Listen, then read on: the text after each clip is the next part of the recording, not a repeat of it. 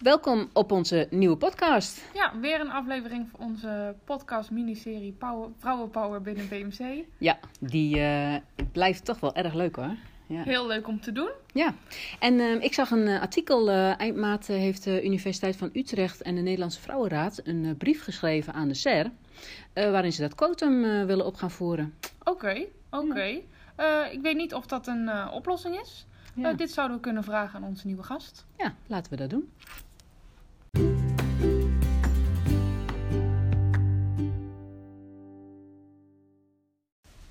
Hier aan tafel, Ingrid. Hey, leuk, superleuk dat je er bent, Ingrid.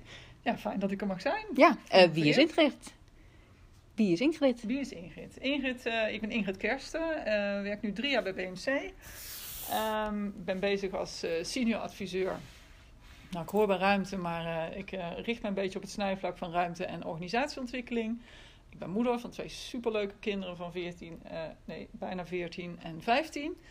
Eh, en eh, een leuke man. Ehm, nou, wat ik eh, leuk vind om erbij te vertellen is dat ik dat ook wel een leuke uitdaging vind. Soms moeilijk, soms makkelijk hè, om de balans te zoeken tussen ja, hoeveel geef je aan je gezin en hoeveel geef je aan je werk. Eh, maar voor beide geldt, eh, ja, probeer het mooiste uit het leven te halen. Dus eh, nou, ik ben benieuwd wat Ja. we dan daarover kunnen hebben zometeen. Nou, m- ehm, misschien dan wel een hele directe vraag. En dan gaan we even niet op je drijfveren, maar gewoon letterlijk op die vrouwen in. Ehm, wat, want jij zegt iets over ook misschien wel de uitdaging in je, in, met, met kinderen en werk. Is dat heel vanzelfsprekend dat het bij jou ligt? Of is jouw man zeg maar hetzelfde? Doet hij ook wel thuiswerkdag? Of hoe werkt dat dan bij Hoe jullie? werkt het in het huishouden van de familie Haren? nou, we hebben allebei best wel een, denk ik, een pittige job. Ik werk 32 uur, mijn man werkt fulltime. Eh, hij werkt in Tilburg, dus dat is handig. Eh, ik zit eh, overal en nergens, dus die combinatie is ook nog wel te doen, zeg maar. Eh, nou, we hebben het samen wel eh, verdeeld. eh, want ja, ik ben natuurlijk wel 32 uur aan het werk, maar ik ben toch vaak 40 uur verdwenen, zeg maar. of soms nog meer, dat durf ik er dan niet bij te vertellen.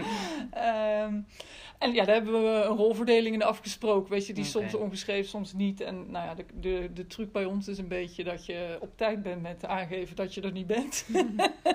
en de ander die dan zegt, oh, ik had eigenlijk ook iets. Ja, die heeft dan pech, zeg maar. Ja. dus, en daar komen we eigenlijk op een goede manier uit, weet je. Ehm, dus nou, per saldo denk ik dat we het best goed voor elkaar hebben. Dat het ook heel leuk is. Tenminste, dat vind ik in onze relatie heel leuk. Dat we allebei een, eh, een job hebben waarin we ook nog eens met elkaar kunnen sparren. Van jeetje, hoe doe jij dat nou? En ook al doet hij iets heel anders. Hij is eh, operationeel, operationeel directeur bij een eh, metaalverwerkingsbedrijf. Van Oh ja. oud metaal, zeg maar. Dus echt het scheiden van metaal, oud metaal.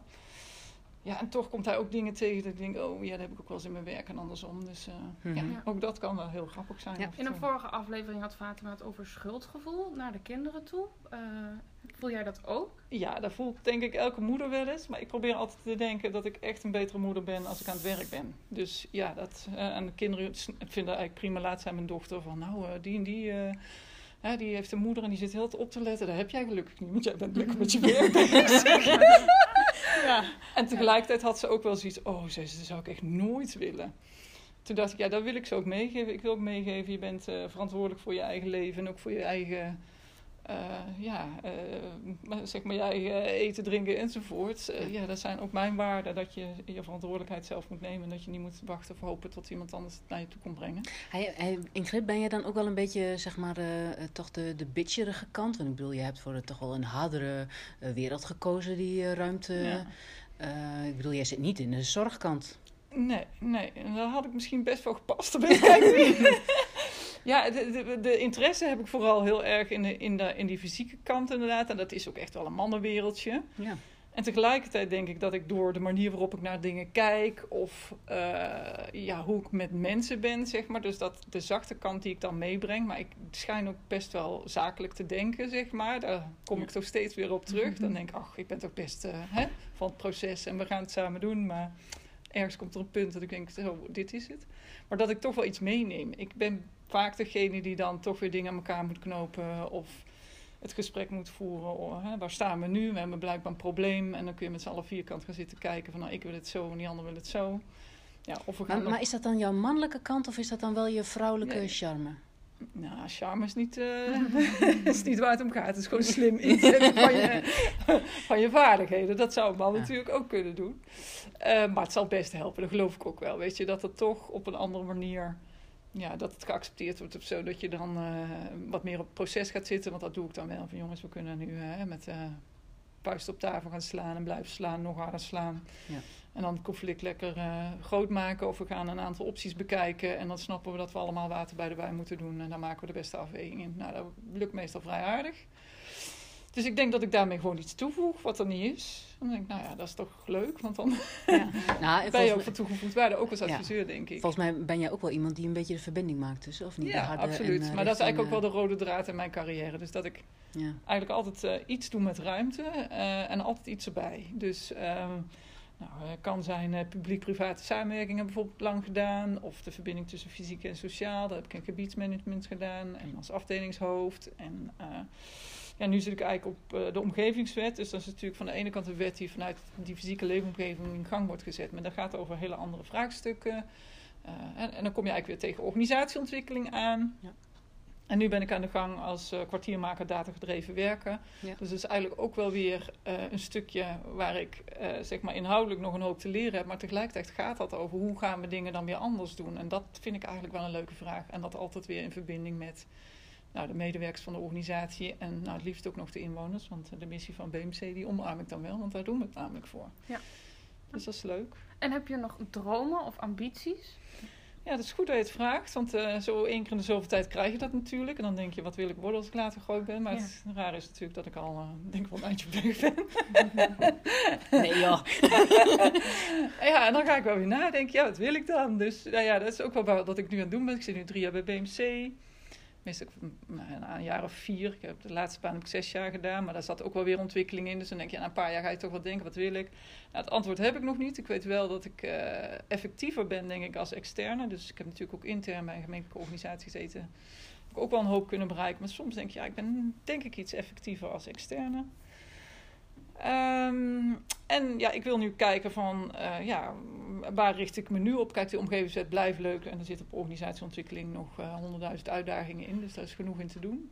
Maar nu ik dat datagedreven werk aan doen ben, denk ik, oh, dat Ja. vind ik misschien eigenlijk ook wel leuk. Dus ja, ik, eh, ik ga het even zien. Het komende jaar ga ik het eens lekker bekijken en dan ga ik wat bezinnen. En nou, misschien dat ik gewoon hier blijf, nog lekker een paar jaar bij BMC, helemaal goed. Ja. Of ik ga ineens iets anders doen. Ik weet het niet. En, en maakt het voor jou uit, zeg maar, of het nou een mannenwereld is of een eh, vrouwenwereld? Nee, of? nee, dus zo kijk ik er eigenlijk helemaal niet naar. Überhaupt niet. Voor mij is dat, eh, ik wil niet zeggen impotnat, ik zie zo'n verschil, maar Ja. zo kijk ik er niet naar. Zeg Hey, maar. nu waren ze bij, eh, eh, is er een brief naar de SER gegaan over een, eh, eh, ja, toch misschien wel eens eh, invoeren van het vrouwenquota. Of eigenlijk wel een, ehm, een nadrukkelijk advies om dat te gaan doen. Omdat we het als Nederland eh, niet op een natuurlijke manier eh, voor elkaar krijgen. Hoe kijk jij daar tegenaan? Ehm, nou, als ik naar verandering kijk, dan, eh, dat- dan moet je altijd nadenken over allerlei aspecten van de verandering. En nou, in de organisatie zit dat vaak in systemen en processen, maar meer vind ik in de leefwereld van de mensen. Ehm, nou, vanuit dat perspectief zou ik dus niet zoveel moeten hebben met die quote, want dat is echt een systeemoplossing om een ander probleem op Ja. te lossen. Maar ik zie ook wel dat het niet eh, vanzelf gaat. En de vraag is, eh, ja, hoe lang duurt het voordat je het via andere beïnvloeding voor elkaar krijgt? En dan denk ik wel, ja, we zijn toch wel eh, nou, we zouden in ieder geval een bepaalde positie mogen hebben in de wereldranglijst. En die hebben we nog niet zo eh, flitsend, zeg maar. En om misschien dat tempo te creëren, ja, eh, moet het een tijdje. Maar ik zou wel zeggen, zo kort mogelijk. Eh, om in ieder geval een beweging op gang te gaan krijgen. Wat, wat, wat is in jouw ogen zeg maar, het, eh, eh, het probleem? Of wat doen wij als vrouwen eh, verkeerd? Of als Nederland? Ehm, nou, als we het dan toch ook hebben, hè, waar we in het begin over begonnen met moederschap en werken, dan is het toch wel zo dat onze cultuur is dat die moeders, hè, die moeten toch eigenlijk wel een beetje eh, meer thuis zijn dan die mannen. Dat is denk ik wel een cultureel aspect. Dus het is niet zo dat ik regelmatig op aangesproken word van jeetje, wat ben jij nou voor moeder dat je zoveel werkt? Dat niet. Maar er zijn toch wel kleine prikjes hier en daar. En ook wel het systeem, het schoolsysteem is natuurlijk heel erg gericht op ja, eh, iedereen is toevallig om drie uur klaar. En nou als je dat systeem ook bekijkt, dan nou, ik, ik heb nog wel eens gedacht van kom maar op, ik eh, ga me er nu mee bemoeien. Eh, ja, dat, is, is dat, dat, cultureel is dat nog niet ingericht. Weet je, als jij een uitnodiging krijgt van de school om te komen meedenken over de betrokkenheid van de ouders. En de afspraak is om half twaalf in de ochtend. Ja, dan heb je het gewoon echt niet begrepen. Ik begrijp je dat jij geen luistermoeder bent. Nee. Nee, ik heb wel heel veel andere dingen gedaan, maar dat kon ik inderdaad niet aan. En Om zeggen- twee redenen. En om die tijden, maar ook wel om die luizen. Oh, ja. Ik hoorde iets zeggen over prikjes. Dat je krijgt van de, hè, als je als moeder veel Ja, werkt. ja. Eh, kun je er iets over vertellen? Ehm, nou, gelukkig zaten mijn kinderen op een school waar eh, veel ouders allebei werkten, zeg maar. Dus overblijven was echt wel gewoon. Dus mijn kinderen hadden echt geen idee dat het nog een andere optie zou zijn om eh, te- niet over te blijven, bijvoorbeeld. Dat vond ik zelf heel fijn. Maar dan kan het toch zo zijn dat de andere eh, moeders bijvoorbeeld zeggen van... Oh ja, blijft jouw kind dan over? Dat was een Oh. ondertoontje. Ja, precies. En dan zeg ik, ja, maar het is heel goed geregeld. Maar dit ging ik me nog verantwoorden natuurlijk ook nog. Dat ik Ja. dacht, ja, het is echt heel goed geregeld op die school. Ja, want op die school was het dan niet goed geregeld. En dan toch voel ik heel even oh ja, moet ik dan, moet ik dan ook thuis zijn tussen 12 en 1? Terwijl echt mijn kinderen hebben nou, nog nooit gezegd dat ze dat niet zouden willen. Vonden het heel normaal om op school te blijven, zeg maar. Dus ja, maar Hey, dan en- voel je dat af en toe wel zo. Dat je denkt van, dan Maar- krijg- gaat er even iets door je hoofd. Maar vo- voel jij zelf, eh, nou, op, afgezien van deze prikjes, voel jij zelf een, een bepaald plafond of eh, een, eh, waar je, Hmm. dat je als vrouw gediscrimineerd wordt of zo? Of misschien ook wel juist positief gediscrimineerd, kan ook. Ik denk allebei.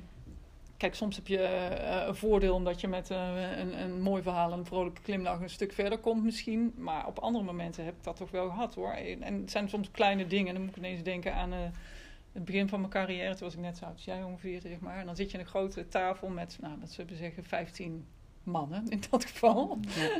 En ik was projectleider van iets.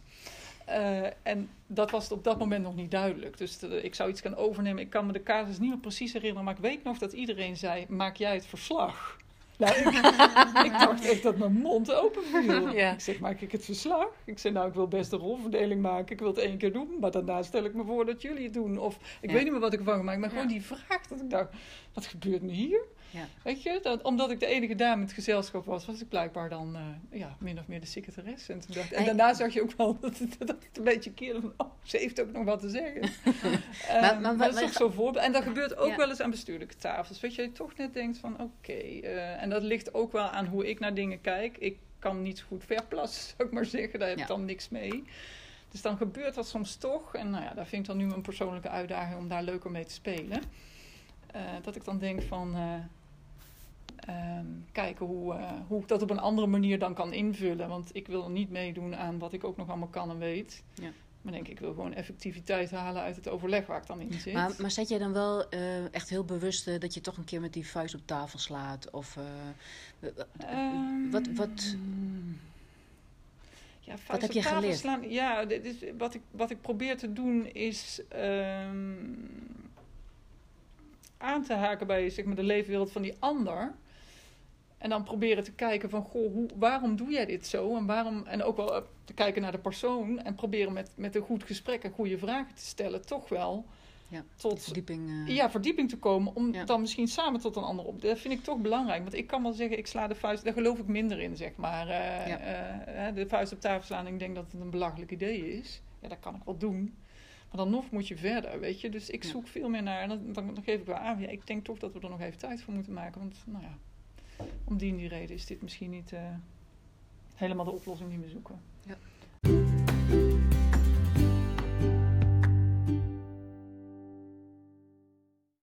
Eh, hey Ingrid, die eh, quote waar we het net over hadden, eh, dat kan ook positieve discriminatie bewerkstelligen. Wat vind je daarvan?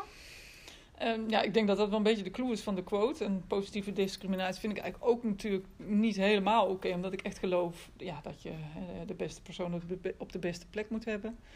Ehm, maar zoals ik net al aangaf, denk ik dat het even een sweepertje nodig heeft. Dus zal het zo moeten zijn dat dat, dat gaat gebeuren. Eh, en ik zie het dan alleen maar als katalysator om de beweging op gang te krijgen. Ja. En om dat dus ook niet al te lang in stand te houden. Misschien wel een jaar of twee jaar, ik weet het even niet. Maar Ja, eh, ja, eh, echt alleen maar om het op gang te helpen. ja, ja. Hey, doen we dat goed binnen BMC eigenlijk? Hoe, eh, Bedoel je met eh, eh, gewoon de bezetting van de dames op de goede Ja. plekken, zeg maar? Ja, dat beeld heb ik eigenlijk wel. Maar ik, ik moet eerlijk zeggen dat ik nu niet goed weet hoe de verdeling adviseurs bij, bij eh, advies is. Is dat 50-50? Weet oh, ik niet. Nee, durf ik ook niet te zeggen. Weet ik niet. Ik denk eigenlijk van niet.